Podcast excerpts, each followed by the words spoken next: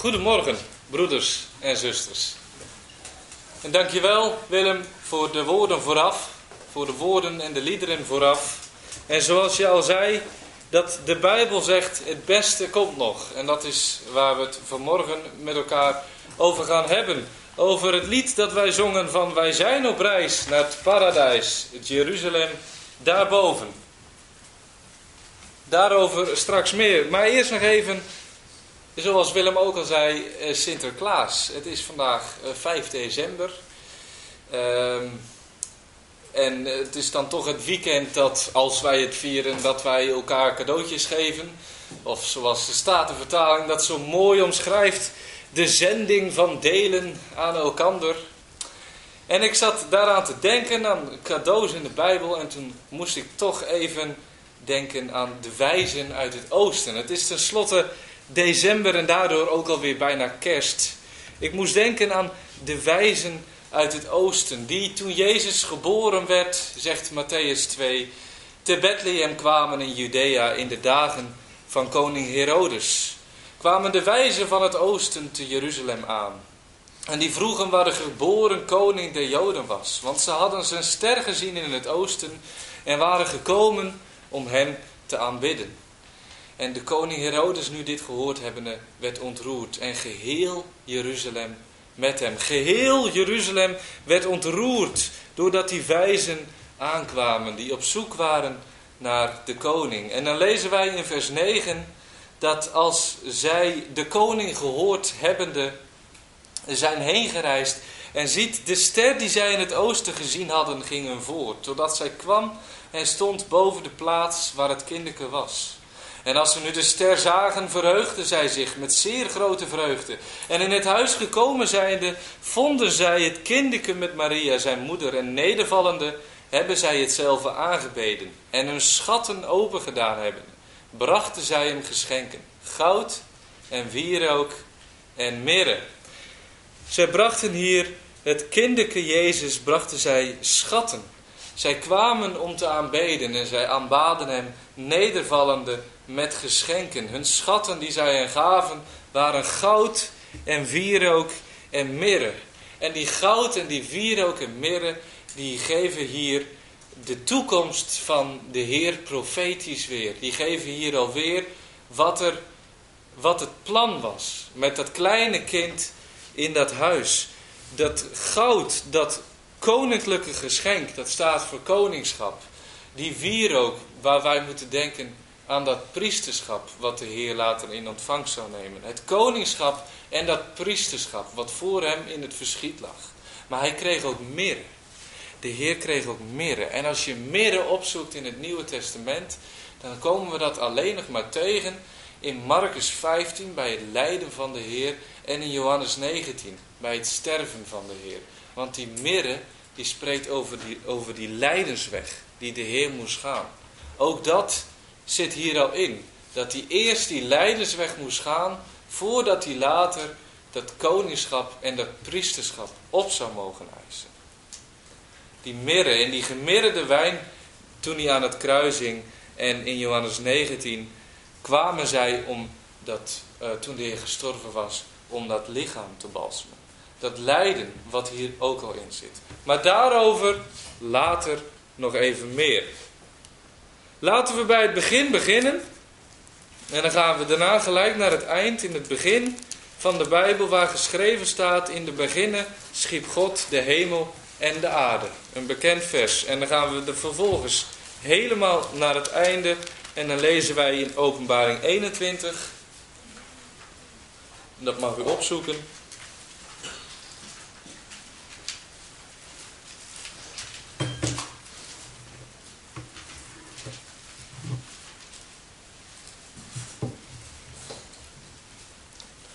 Lezen wij, en ik zag een nieuwe hemel en een nieuwe aarde. Want de eerste hemel en de eerste aarde was voorbij gegaan. En de zee was niet meer. Zo lazen wij over de eerste schepping en lezen wij over de nieuwe schepping. Alleen met de nieuwe schepping is iets mis. Begrijpt u me niet verkeerd, met de nieuwe schepping is niks mis. Maar met dit vers is wel iets mis. Want als wij de plaatsing van dit vers zo bekijken, dan ehm, is er door mensenwerk is er een, een, een foutje gemaakt. Als wij ehm, eigenlijk hoort openbaring 21 vers 1, hoort bij het gedeelte, als u het mij vraagt, van openbaring 20 vers 11 tot en met 15. Daar had eigenlijk een vers 16 achteraan moeten komen met en ik zag een nieuwe hemel en een nieuwe aarde. Als dat erbij had gestaan, dan was het verhaal namelijk helemaal rond. Dan lezen wij in vers 11 van Openbaring 20 dat wij een witte, grote witte troon zien. En degene die daarop zat, van wiens aangezicht de aarde en de, en de hemel wegvloden. En geen plaats is voor die gevonden. Vervolgens lezen wij dat oordeel en aan het einde van zien wij een nieuwe hemel en een nieuwe aarde. Want in vers 11 lezen wij al dat de aarde en de hemel wegvloden.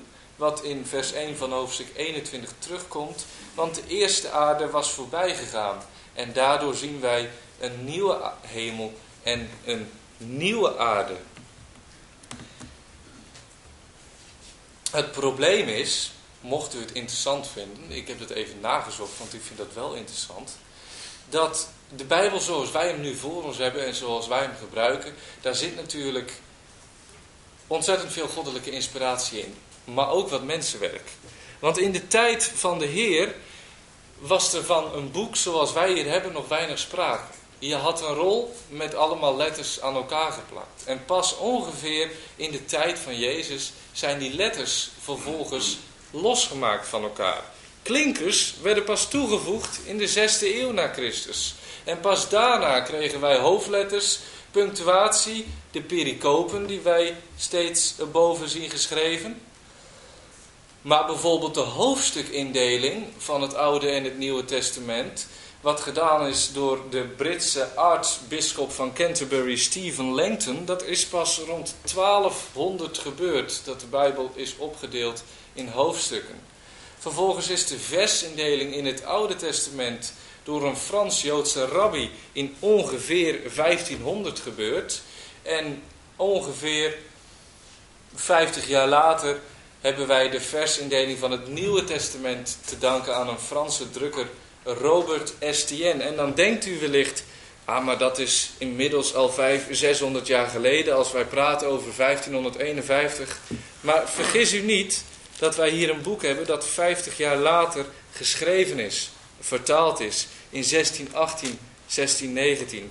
Met andere woorden, de menselijke aanpassingen die daarin gedaan zijn, zijn eigenlijk nog vrij recent. Als u hier de Bijbel voor u leest. En u moet goed uh, in ogenschouw nemen dat het mensen zijn die het in versen, in hoofdstukken en in pericopen hebben opgedeeld. En mijn inziens is dat hier niet helemaal goed gegaan. Want ik wou het met u hebben over een onderdeel van het nieuwe Jeruzalem. Maar dan moeten we wel eerst goed kunnen plaatsen waar dat nieuwe Jeruzalem zich afspeelt. En als je het zo zou zien, dan zou je denken dat er eerst een nieuwe hemel komt en dat vervolgens daar het nieuwe Jeruzalem is. En het nieuwe Jeruzalem is uiteraard absoluut in de nieuwe schepping aanwezig. Maar het is niet waar het aan ons geopenbaard zal worden. Eigenlijk had de pericoop boven vers 9 van het Nieuwe Jeruzalem boven vers 2 gemoeten. Waar al sprake is van het visioen. En ik, Johannes, zag de heilige stad, het Nieuwe Jeruzalem, nederdalende van God uit de hemel, toebereid als een bruid die voor haar man versierd was. Net zoals in vers 10 staat, en hij voerde mij weg in de geest op een grote en hoge berg en hij toonde mij de grote stad, het heilige Jeruzalem, nederdalende uit de hemel van God. Je kan eigenlijk zeggen dat het eerste vers van Openbaring 21 het laatste chronologische vers in de Bijbel is. En daarna zien wij nog een nieuw verhaal, zien wij een nieuw visioen. Een nieuw visioen over het nieuwe Jeruzalem, waar wij net al van hebben gezongen. En de algemene gedachte is dat het nieuwe Jeruzalem, dat een beetje staat voor de hemel en voor de eeuwigheid. Ook ehm, eh, afgekomen uit het feit dat het uh, hier staat na vers 1 van die nieuwe hemel en die nieuwe aarde. Soms zie je, als je gaat googlen, want dat doe je als je het onderwerp voorbereidt, dan zie je soms letterlijk een hele grote stad. Want er staan allemaal uh, uitbeeldingen van hoe die stad eruit staat met afmetingen van muren en van poorten en zo. Het moet zeggen, uh, het, het, het gaat er bijna belachelijk uitzien als je dat letterlijk gaat nemen. Maar er zijn mensen die dat letterlijk nemen en dan die zo'n stad uit gaan tekenen en daar dan een spreekbeurt over gaan houden. Maar het is overduidelijk, en ik denk dat u dat wel met mij eens bent, een beeld, dit nieuwe Jeruzalem. We zouden natuurlijk niet vergeten dat wij hier eind openbaring zitten. En in eind openbaring hebben wij al vier dieren in hoofdstuk 4 gehad. Hebben wij een leeuw en een lam met zeven hoornen en zeven ogen gehad in hoofdstuk 5 en 6. We hebben in hoofdstuk 6 een wit, rood, zwart en een vaal paard gehad. We hebben gekke sprinkhanen en paarden gehad in hoofdstuk 9. We hebben een vrouw en een draak gehad in hoofdstuk 12. Beesten uit de zee en de aarde in hoofdstuk 13. 144.000 in 114. Een scharlakenrood beest in 117. En dan zitten wij in hoofdstuk 21 met het nieuwe Jeruzalem. En dan ben ik er waarschijnlijk nog wel een paar vergeten.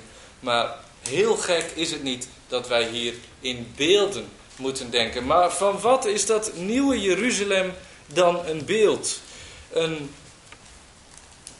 hint die wij hebben is dat die heilige stad zal nederdalen van God uit de hemel. En dus zouden wij de vraag stellen, wat zal er nederdalen van God uit de hemel naar aarde? En een hele makkelijke daarbij is natuurlijk als eerste Christus in zijn wederkomst.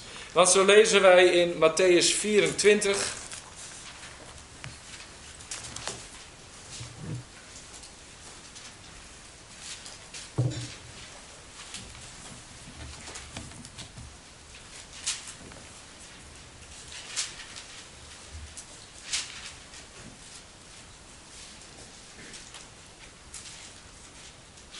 In Matthäus 24, waar boven het 29ste vers ook de perikoof staat, de komst van Christus, dan zien wij in het 30ste vers staan. En als dan zal in de hemel verschijnen het teken van de Zoon des Mensen. En dan zullen al de geslachten der aarde wenen en zullen de Zoon des Mensen zien, komende op de wolken des hemels, met grote kracht en heerlijkheid. De Zoon des Mensen, die zal komen uit de hemel naar de aarde. Matthäus 24. Of wat dacht u van Handelingen 1? In Handelingen 1, bij de hemelvaart, waar geschreven staat in vers 11 over de twee mannen in witte klederen, welke ook zeiden, gij Galileese mannen, wat staat gij en ziet op naar de hemel? Deze Jezus, die van u opgenomen is in de hemel, zal al zo komen, gelijkerwijs gij hem naar de hemel hebt zien heenvaren. Op de manier waarop hij naar de hemel ging, zo zal hij ook van de hemel weer terugkomen naar de aarde. En zo hebben wij, om er nog een derde te noemen, Filippenzen 3, het twintigste vers.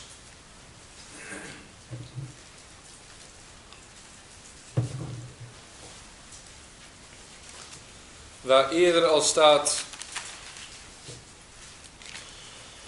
dat wij geen aardse dingen zouden bedenken, want, zegt vers 20, maar onze wandel is in de hemelen, waaruit wij ook de zaligmaker verwachten, namelijk de Heere Jezus Christus. Die verwachten wij vanuit de hemel, die naar ons toe zal komen, hier op aarde. Zomaar drie schriftplaatsen wat zegt dat de Heer zal nederdalen vanuit de hemel naar de aarde. Maar een tweede wat ik daarbij nog aan u wou vermelden, is wat wij vinden aan, uh, op verschillende schriftplaatsen in uh, Matthäus. Is niet alleen Christus, maar daarmee ook zijn koninkrijk. Zo lezen wij aan het begin van Matthäus, in Matthäus 3 al, dat Johannes de Doper zegt... Bekeert u, want het koninkrijk der hemelen is nabijgekomen. Dit wordt ook later uh, nog een keer aangehaald door de Heer zelf in Matthäus 4, vers 17. Waar staat, van toen aan heeft Jezus begonnen te prediken en te zeggen, bekeert u, want het koninkrijk der hemelen is nabijgekomen. En later in hoofdstuk 10 is dat ook de opdracht die de discipelen met zich meekrijgen. De twaalf apostelen. Waar staat een heengaande predikt in Matthäus 10 vers 7. Zeggende het koninkrijk der hemelen is nabijgekomen. Het koninkrijk der hemelen is nabijgekomen. Nabij als in de zin van het is er nog niet, maar het komt er wel aan. Nabij als in de zin van Paulus die nabij Damascus was, maar nog niet in Damascus was aangekomen. Nabij zoals in Hebreeën 10 vers 25 het vertaald wordt met nadert. Als de dag nadert, want dat koninkrijk der hemelen dat nadert. Dat nadert vanuit de hemel naar de aarde. Zoals de Heer het ook in Matthäus 6 zelf zegt in het gebed. In Matthäus 6, vers 10, nou, dan lees ik even vanaf vers 9. In het bekende Onze Vader, waar de Heer bidt.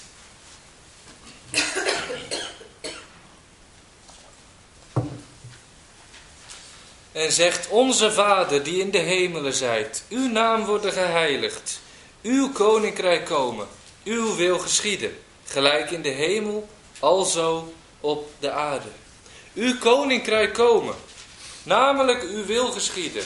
En hoe zal zijn wil geschieden? Doordat zijn koninkrijk zal komen. En hoe zal zijn koninkrijk komen? Gelijk in de hemel, alzo ook op de aarde. Dat koninkrijk is nu al in de hemel, maar zal weldra ook op aarde verschijnen. En zo twee, twee onderdelen, voorbeelden van dingen die in de toekomst nog vanuit de hemel naar de aarde zullen komen. Die in het verlengde van elkaar liggen, want waar Christus is, is uiteraard zijn koninkrijk.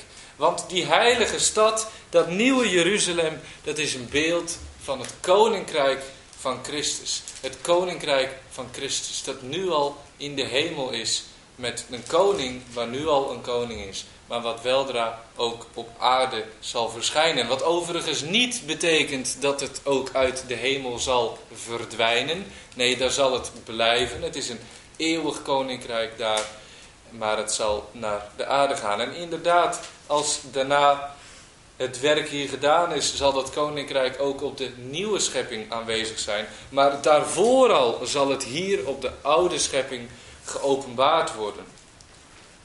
En heel gek dat we een beeld hebben van het koninkrijk, vind ik dat nou ook weer niet. Want als we in de Bijbel terugkijken, komen wij al een berg tegen. Komen wij al een steen tegen. Komen wij een wijngaard tegen. En natuurlijk nu een stad. Allemaal beelden van dat koninkrijk. En waar wij vroeger in het Oude Testament hadden wij een stad wat een koninkrijk was. En een koninkrijk wat een stad was. Leest u het maar na aan het begin al bijvoorbeeld in Genesis 14. Het was precies hetzelfde. Dat koninkrijk van Christus, waar Galaten 4 van spreekt over dat Jeruzalem dat boven is. En waar Hebreeën van spreekt over dat hemelse Jeruzalem. Het enige probleem aan het einde van de Bijbel is de plaatsing en de chronologie. Het klopt niet met de tijd. En dat terwijl heel hoofdstuk 21 een verwijzing is naar Jesaja 60. En ik weet niet of u dat kent, maar zoekt u dat op, dan zult u geen enkel commentaar zien zoals openbaring 21. Maar dan zijn we het ineens allemaal eens. Dan gaat het over het Messiaanse Rijk en het Koninkrijk van Christus. Maar het is leuk om te zien hoe openbaring 21 en Jesaja 60 ongeveer identiek zijn aan elkaar. Zo lezen wij bijvoorbeeld in Openbaring 21, vers 24. Ja, u moet de vinger er even bij houden.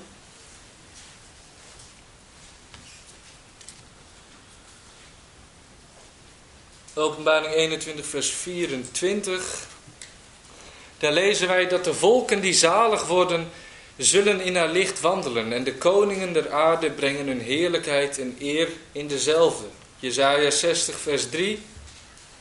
En de heidenen zullen tot uw licht gaan en de koningen tot een glans die u is opgegaan. Openbaring 21 vers 25. En haar poorten zullen niet gesloten worden des daags, want aldaar zal geen nacht zijn. Jezaja 60 vers 11. En uw poorten zullen steeds openstaan. Zij zullen des daags of des nachts niet toegesloten worden. Openbaring 22 vers 5. En aldaar zal geen nacht zijn. En zij zullen geen kaars nog licht der zon van noden hebben. Want de Heere God verlicht hen. Openbaar Jezaja 60 vers 19. En de zon zal u niet meer wezen tot een licht des daags. En tot een glans zal u de maan niet lichten. Maar de Heere zal u wezen tot een eeuwig licht. En uw God tot een sierlijkheid. Dat is Jezaja 60 tegenover openbaring 21 en 22. Waar precies hetzelfde verhaal opgeschreven staat. Niet over een nieuwe schepping, maar over het nieuwe Jeruzalem. Over het koninkrijk van Christus. Waar we ook bijvoorbeeld lezen in Jesaja 60 vers 12. Wij lazen net al dat de poorten steeds open zullen staan. Des dags en des nachts. Maar we lezen daarna in vers 12 dat het volk... Want het volk en het koninkrijk welke u niet zullen dienen, die zullen vergaan. En de volken zullen gans verwoest worden. Maar mochten wij op een nieuwe schepping zijn aanbeland, weten wij dat het al geschied is. Nee, dit speelt daarvoor af. Want er zullen nog volken zijn die helaas verwoest zullen worden. Omdat ze, ondanks dat ze de keuze hebben, die koning niet zullen dienen.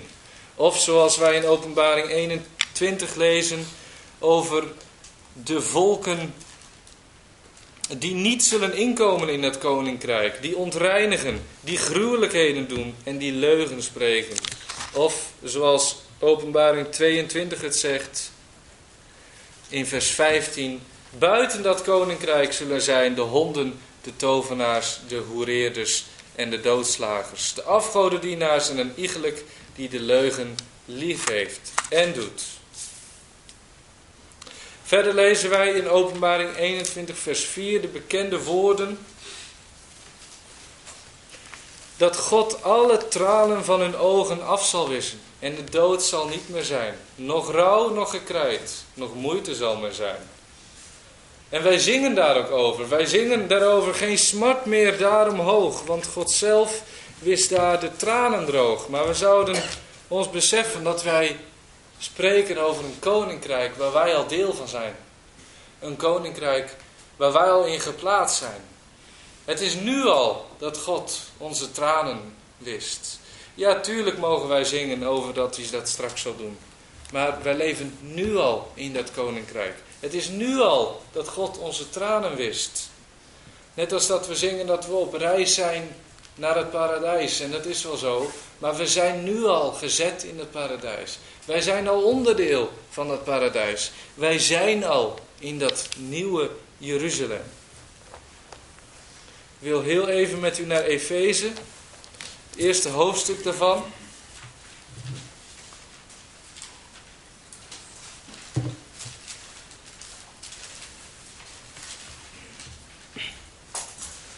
Efeze, het eerste hoofdstuk, waar staat dat nu al in vers 22 wij een Heer hebben die nu al alle dingen zijn voeten onderworpen zijn.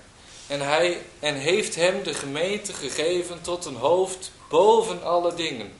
Nu al is alles onderworpen aan die koning. Wij zien dat nog niet, maar dat koning en het koninkrijk, dat is nu al. Vers 10 om in de bedeling van de volheid der tijden wederom alles tot één te vergaderen in Christus, beide dat in de hemel is en dat op de aarde is. In de toekomst, in de volgende bedeling, zal alles tot één vergaderd worden. Dat wat in de hemel is, waar wij nu al zijn, en dat dan straks nog op de aarde is. Dan zal dat koninkrijk uit de hemel komen tot op de, tot op de aarde en zal alles tot één vergaderd wordt. Maar wij mogen weten, Efeze 2 vers 6, dat hij ons mede opgewekt en heeft ons mede gezet in de hemel, in Christus Jezus. Dat koninkrijk der hemelen, dat straks van de aarde, dat straks naar de aarde zal komen, dat van de hemel, waar het nu al is, naar de aarde zal komen, daar zijn wij nu al onderdeel van. Daar zijn wij al gezet. Nou, tot zover de inleiding. Dan gaan we nu naar het onderwerp. Hebben we nog een uurtje ongeveer, denk ik. Want er is één onderdeel in dat koninkrijk wat mij toch wel altijd tot de verbeelding heeft gesproken. Dat is één vers in openbaring 21 en dat is het 21ste vers. Dus we gaan weer terug naar openbaring.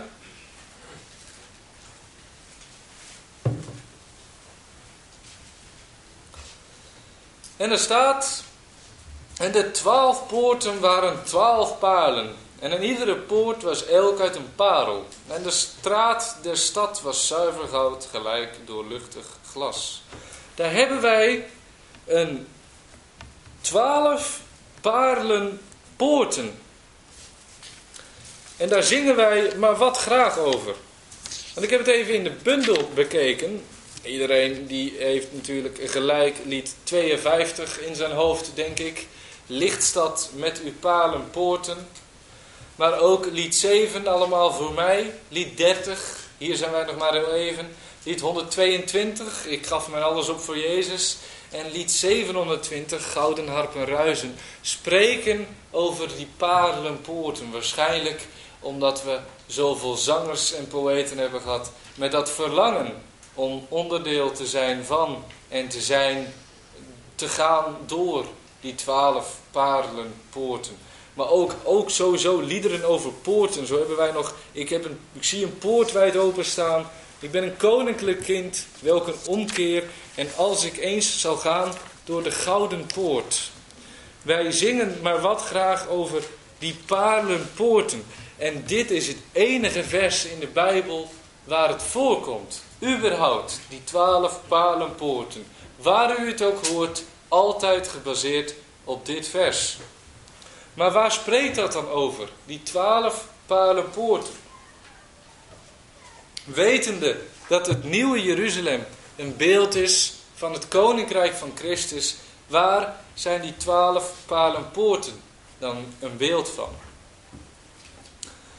Dat brengt ons als eerste bij het getal 12. En het getal 12 is een heel bijzonder getal. Het getal 12 spreekt over heerschappij en over het koninkrijk. Die is eigenlijk heel makkelijk. Als wij waar dan ook maar in de Bijbel waren en wij waar we dan ook in de Bijbel waren en we zouden het getal 12 tegenkomen, dan zouden wij linea recta naar openbaring 21 gaan. Omdat openbaring 21 vol staat met 12. Hier gaat het over het koninkrijk. Vers 12, waar staat dat ze had een grote en hoge muur met 12 poorten. En in die poorten 12 engelen met en namen daarop geschreven, welke zijn de namen der twaalf geslachten der zonen Israëls. Vers 14. De muur der stad had twaalf fundamenten en in dezelfde de namen der twaalf apostelen des lams. Vers 16. De stad lag vierkant en haar lengte was zo groot als haar breedte. Hij mat de stad met een rietstuk op 12.000 stadien. Vers 17. En hij mat haar muur op 144 el. 12 keer 12. Vers 20. Daar lezen wij over 12 edelstenen. Vers 21 uiteraard over de 12 palenpoorten. En dan nog in vers 2 van hoofdstuk 22. Daar lezen wij over 12 vruchten die de boom des levens voorbrengt. Met andere woorden, als wij uit een andere geschiedenis kwamen en we wouden iets weten over 12 dan zouden we hier terechtkomen. In het koninkrijk. En dan zouden we weten dat die twaalf spreekt over dat koninkrijk. Anders kwam het er niet zoveel in voor. Twaalf is het getal van heerschappij. En het is bijzonder, Want we zitten nou in dit schriftgedeelte, dus ik zal het u ook nog op een andere manier proberen uit te leggen. Want het is ook bijzonder, als men buiten de Bijbel kijkt, hoe bijzonder dat getal 12 is. Want we zien overal waar 12 voortkomt, dat het heerschappij met zich meeneemt. De 12 die bepaalt. De 12 maanden die bepalen het jaar. We hebben de dierenriem met de 12 onderdelen. We hebben de 12 uren, Johannes 11, vers 9, die de dag bepalen. De 12 uren die de nacht bepalen. De 12 bepaalt dus de dag. De 12 bepaalt de tijd. De 12 bepaalt het jaar. Het is allemaal altijd verdeeld in 12. Maar kijken wij bijvoorbeeld naar meetstelsels, waar wij dingen mee willen meten, dan kennen wij de schaal van Beaufort, die gaat tot 12. Wij kennen de schaal van Richter, die gaat tot 12. Wij kennen een dozijn, 12. Wij kennen een gros, 12 keer 12. En wij kennen een voet, welke is 12 inch. We hadden vroeger, en dat kunnen we nu misschien niet goed meer voorstellen, omdat we met een tientallig stelsel meten, maar vroeger maten wij dingen met een twaalftallig stelsel. Het voordeel van een twaalftallig stelsel, dat betekent dus dat je niet telt tot 10, maar dat je telt tot 12. En dan weer tot 12 en dan weer tot 12. En je 12 is je eenheid waarmee je telt. En dat is fantastisch, want het heeft heel veel delers. Dat kan je delen door 1, door 2, door 3, door 4, door 6 en door 12. Terwijl je een 10 maar kan delen door een 1, een 2 en een 5.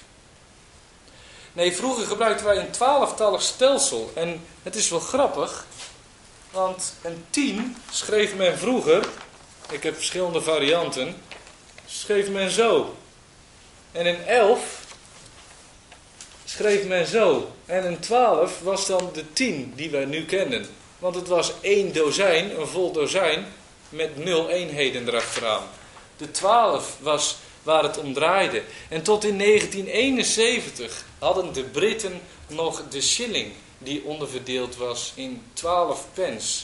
Maar daarvoor deden wij het allemaal. In ieder geval wij Germanen, en dat zien wij ook nog terug in de Germaanse, taal, in de Germaanse talen, die pas bij 13 opnieuw beginnen door te tellen. 10, 11, 12 en vervolgens 13, 13, 13, noem het maar op. We zien het ook nog in heel oude verhalen zien we het terugkomen. We zien de twaalf ridders van de ronde tafel, de twaalf Olympische goden, de twaalf opdrachten die Hercules met zich meekreeg. Twaalf, als je er twaalf hebt, dan is het vol. Als je er twaalf hebt, is het volmaakt. En als je er twaalf hebt, weet je dat je goed zit. Weet je dat er niet nog één bij moet. Weet je dat er niet nog één af moet. En dat zien we in de Bijbel natuurlijk ook met de twaalf stammen van Israël. Het koninklijke volk Israël, dat natuurlijk bedoeld was om te heersen. Die twaalf, die heerschappij met zich meebrengt. Israël zou namelijk heersen over alle volken. Niet alleen, nee, heersen met God uiteraard. Wat ook verborgen zit in die naam. Israël, El, wat staat voor Elohim. En dat Sar, wat staat voor het heersende aspect. Uh, dat is onderverdeeld Israël, Tsar, El. En dat Tsar kennen wij uit heel veel andere dingen. Bijvoorbeeld uit Sarah, wat betekent vorstin. Maar wat dacht u van Caesar, Sire en Tsaar? Allemaal uh, of allemaal, uh, hoe zeg je dat? Um, wat daarvan afgeleid is van dat ene en datzelfde woord. En je ziet dat het allemaal woorden zijn om heersers mee aan te duiden. En vandaar dat dat Israël, dat heersende volk, onderverdeeld was in twaalf. We hebben natuurlijk net ook gelezen over twaalf apostelen die het koninkrijk moesten verkondigen in Matthäus 10. Als wij naar de tabernakel gaan kijken, zien wij veel attributen en dieren bij de inwijding van het altaar in Numeri waar 12 steeds terugkomt, 12 of een veelvoud daarvan. Wij zien in 1 Koningin 7, zien wij bij de tempel, zien wij de afmetingen van de tempel. Of zien wij uh, de runderen, waar ook steeds 12 in terugkomt. En in 1 Koningen 10, en daar wou ik toch nog even, even naartoe gaan. Om er nog maar even eentje eh, uit te pikken.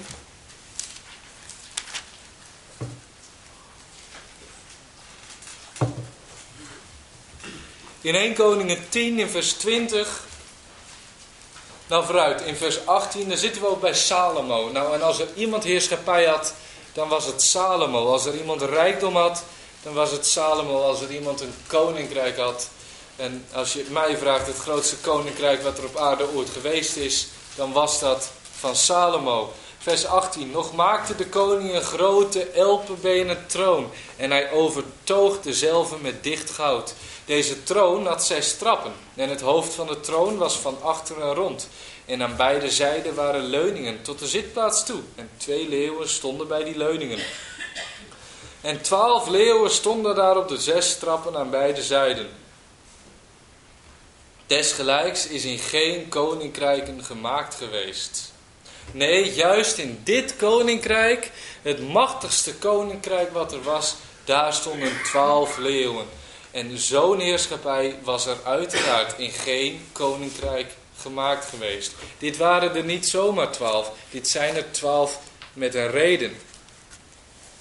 En nou is het natuurlijk makkelijk, en dan gaan we even naar 1 Koning 18. Nou is het makkelijk om twaalf op te zoeken in de Bijbel, maar ik laat u er even eentje zien om aan te tonen dat 12 nog veel vaker voorkomt. Ook als je het niet vindt, als je daarnaar zoekt. Want in 1 Koningen 18 bijvoorbeeld, daar vinden wij Elia die een strijd heeft met de priesters van de Baal, de profeten van de Baal. En Elia die besluit om zijn altaar eens flink nat te maken. En dan lezen wij in 1 eh, Koningen 18 vers 34... En hij zeide, vult vier kruiken met water en giet het op het brandoffer en op het hout. En hij zeide, doet het ten tweede male. En zij deden het ten tweede male. En voorts zeide hij, doet het ten derde male. En ze deden het ten derde male. Dat het water rondom het altaar liep. Daartoe vulde hij ook de groeven met water.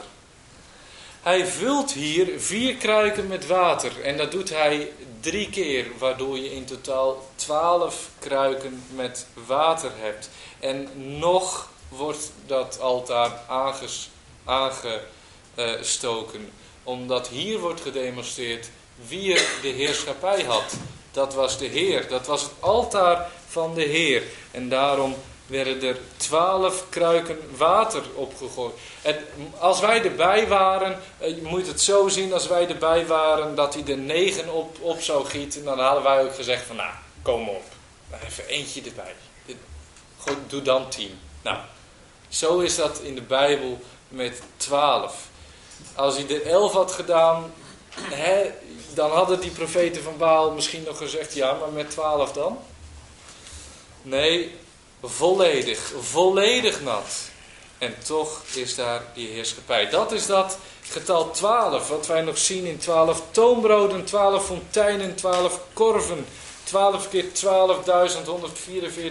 144.000 en personen van 12 jaar of waar 12 in terugkomt, zoals de 12-jarige Jezus en zoals Rick hier een paar weken geleden al sprak over de bloedvloeiende vrouw en het dochtertje van Jairus.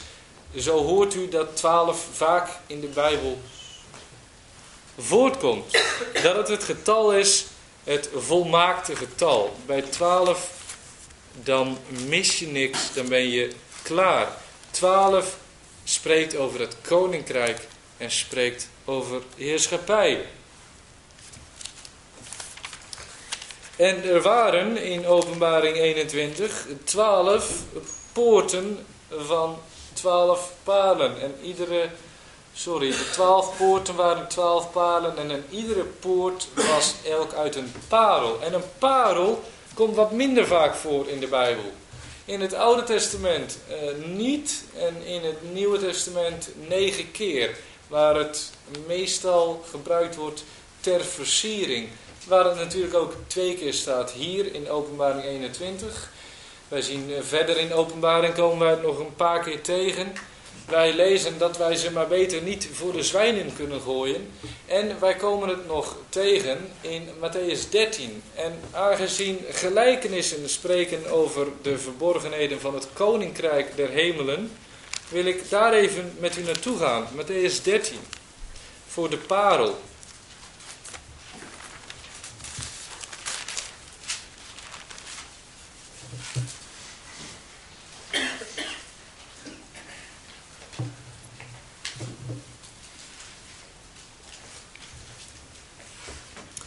In Matthäus 13 daar vinden wij acht gelijkenissen, waarvan de eerste vier negatief zijn en daarna de vier die daarop volgen positief. En wij zitten hier bij de zesde gelijkenis in Matthäus 13 vers 45. In dat stuk volgen de gelijkenissen zich rap op. En zo is de gelijkenis van de parel maar twee versen groot, twee kleine versen. De gelijkenis van de parel is bijna hetzelfde als de gelijkenis die daarvoor staat over de schat.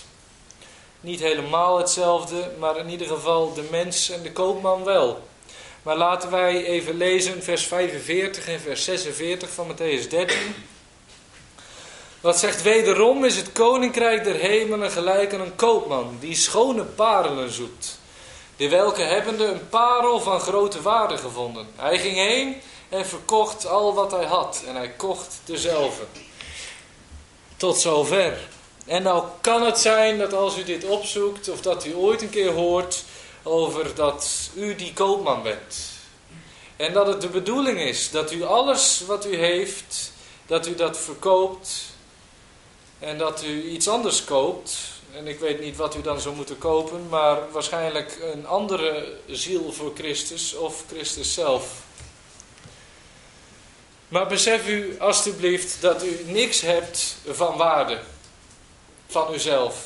U hebt niks wat u van uzelf heeft en zou kunnen verkopen om er ook maar iets mee te kunnen doen.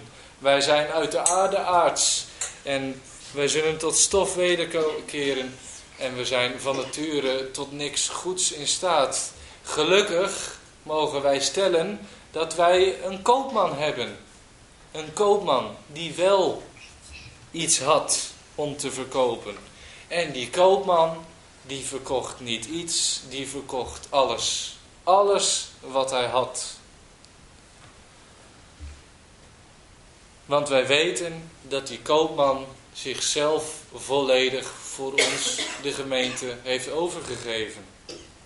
Die koopman, die verkocht alles wat hij had en hij kocht dezelfde. Hij kocht die parel.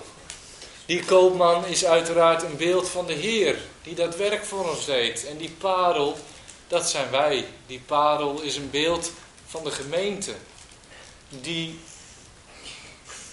duur gekocht is door de Heer, waar de Heer heel wat voor over had en waar de Heer zichzelf volledig voor overgegeven heeft. En die parel, die ontstaat door irritatie. Want dan moet er eerst in die oester moest er een zandkorreltje naar binnen komen. Of we doen het zelf, dan is het goedkoper. En dan probeert hij met dat parelmoer, probeert zo'n oester, probeert zo'n, zo'n, hij kan het er niet uitkrijgen, dus hij gaat het, hij gaat het omhullen. Dat, dat kleine, kleine vervelende stofje, wat er dan ook maar die oester is binnengedrongen, wat natuurlijk sowieso niet de bedoeling is, dat probeert hij uh, in te kapselen. En want dat kleine zandkorreltje of wat het dan ook is, dat doet zo'n beest pijn. Dat is irritatie. Zo'n parel ontstaat, met andere woorden, door lijden. Het is een proces van lijden waartoe die parel ontstaat. Die parel die, als het er een mooi gelukt exemplaar is, die prachtig mooi rond is. Wat een beeld is van de eeuwigheid. En daarmee ook van de eenheid van de gemeente. En die parel ontstaat in die oester in de zee. Hij is in de zee verborgen. Hij is verborgen in die zee tussen die volkeren. Verborgen nu nog steeds. voor de wereld. Hij is daar wel, die prachtige parel die gekocht is door de Heer, maar nog steeds verborgen, in verborgenheid, tot het moment dat die parel gehaald zal worden. Die parel die een hemelse roeping heeft. Dat is die parel. Die parel die staat voor de gemeente. Als u het mij vraagt. En dan zijn we er bijna. Dan hebben we de twaalf poorten. En dan zit ik alleen nog even met die poorten. Maar die poorten die beelden eigenlijk precies hetzelfde uit als die twaalf. Want een poort spreekt over heerschappij. Als wij in de Bijbel erop naslaan waar, wie er in de poort zat, dan zijn het bijna altijd types van Christus die in de poort zitten. Maar in ieder geval, als degene die in de poort zit, dat is degene die gezag heeft. In de poort, daar, uh, daar wordt de rechtspraak uitgevoerd. Als je ook maar iets te vertellen hebt en iets in de melk te brokkelen hebt in de Bijbel, dan zit je in de poort. Zo zien wij Lot in Genesis 19 in de poort zitten. Wat dus zegt dat die Lot best een positie had in Sodom. In Genesis 22, daar komt poort voor in de belofte aan Abraham. Waar gezegd wordt dat Abraham de poort zijner vijanden zal bezitten. En bezit je de poort van je vijanden, dan bezit je je vijand. Dan heb je dus heerschappij over je vijanden. In Deuteronomium komen wij voorbeelden tegen van rechtspraak die in de poort werd uitgevoerd. Dat er iemand meegebracht werd naar de poort waar recht over gesproken werd. En we lezen natuurlijk Jericho, waar de poorten werden gesloten toen het volk aankwam, in een poging om het volk buiten te houden. Verder zien wij ehm, heel veel beelden van Christus die in de poort zitten. Zo zien wij Boas in Rut 4 in de poort zitten. Samuel in 1 Samuel 9 de man Gods in het midden van de poort. Koning David in 2 Samuel 19, die zich zet in de poort. En Mordechai in Esther 2, die zit in de poort des konings. Allemaal types van Christus, types van heerschappij, types van de koning. Want die poort die heeft heerschappij over de stad. En daarmee dus het koninkrijk, want een stad is een koninkrijk. Een poort gaat dicht als er gevaar is en gaat open als er vrede is. En doordat je dat kan doen, heb je controle. Heb je controle en heerschappij over alles wat er ingaat en alles wat er uitgaat. En vooral over wat er ingaat. Degene die de poort in handen heeft of die erin zit, die heeft de heerschappij. En zo zijn die poorten een beeld van heerschappij? Zijn die twaalf poorten een beeld van heerschappij? En zijn die twaalf palenpoorten een beeld, als u mij vraagt, van de gemeente? Van de gemeente die de heerschappij heeft. Die in dat koninkrijk van Christus, in dat nieuwe Jeruzalem zal heersen. Samen met haar koning. En om dan nog even één poort op te zoeken, ga ik toch weer terug naar Jezaja 60.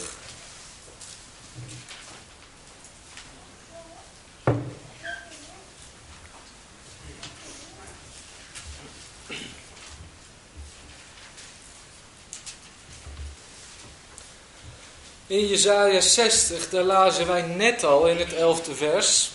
En uw poorten zullen steeds openstaan. Zij zullen des daags of des nachts niet toegesloten worden. Opdat men tot u inbrengen het Heer der heidenen en hun koningen tot u geleid worden. De poorten zullen daar altijd openstaan. Het zal een koninkrijk van vrede zijn. Vers 18. Er zal geen geweld meer gehoord worden in uw land verstoring noch verbreking in uw landpalen. Maar uw muren zult gij heil heten. En uw poorten lof. Uw poorten lof. De naam van de poorten is lof. En dat, broeders en zusters, is de gemeente. Dat is onze taak. Want de gemeente is ter lofprijzing van God. Laten we nog even naar Hebreeën 13.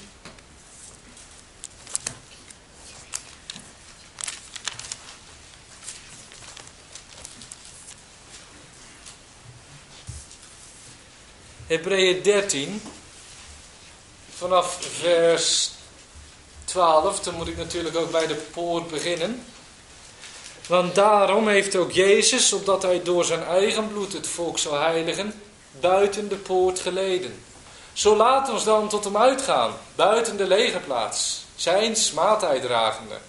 Want wij hebben hier geen blijvende stad, maar wij zoeken de toekomende. Laat ons dan door hem altijd goden opofferen, een offerande des lofs. Dat is de vrucht der lippen, die zijn naam beleiden. De offerande des lofs. Wij zoeken die toekomende stad. Wij hebben hier geen blijvende stad. Nee, wij zijn onderdeel van dat nieuwe Jeruzalem. Wij zijn onderdeel van die toekomende stad. Van dat koninkrijk van Christus. Waar wij nu al in gezet zijn. Want we zijn nu al medegezet met Christus in de hemel. Waar wij dus altijd die offeranden des lofs aan onze Heer mogen brengen. En dan wou ik afsluiten. Gaan we wederom naar Jezaja. Wederom naar Jezaja 60. En dan wil ik van Jezaja 60 nog even de eerste paar versen met u lezen.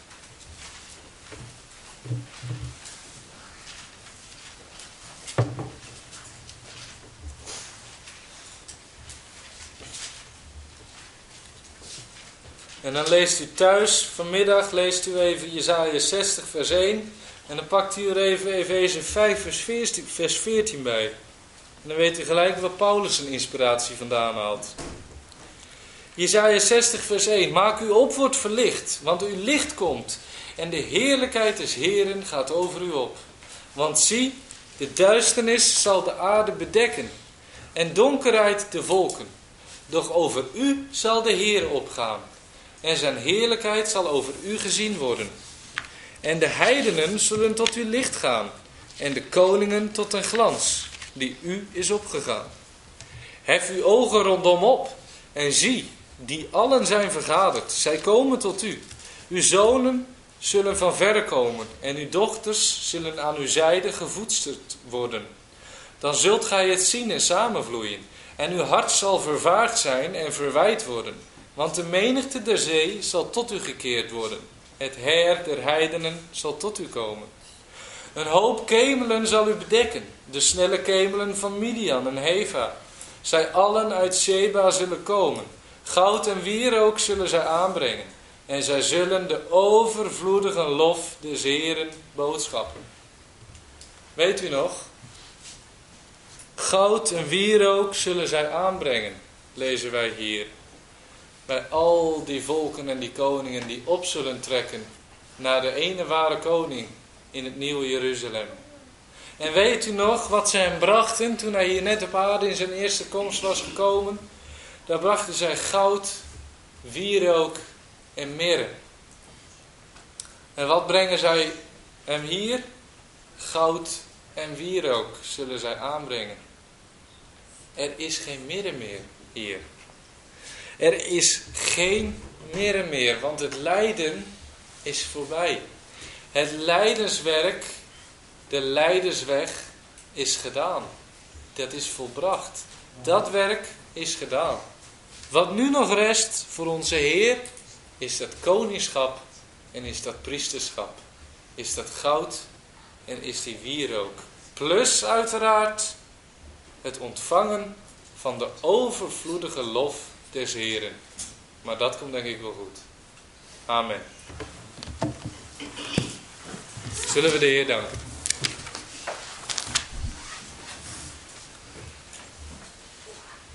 Heer Jezus Christus, dank u wel dat wij hier deze zondagmorgen bij elkaar mogen komen om geschenken te delen aan elkaar.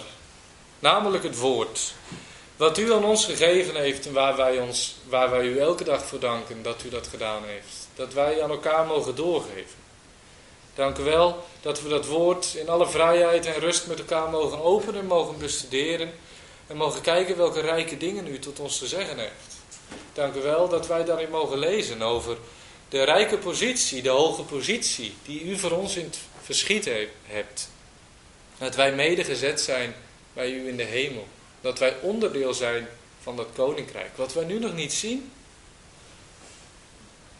maar waar wij wel al bij horen en waar we van weten dat wij het zullen aanschouwen als het vanuit de hemel naar de aarde zal komen.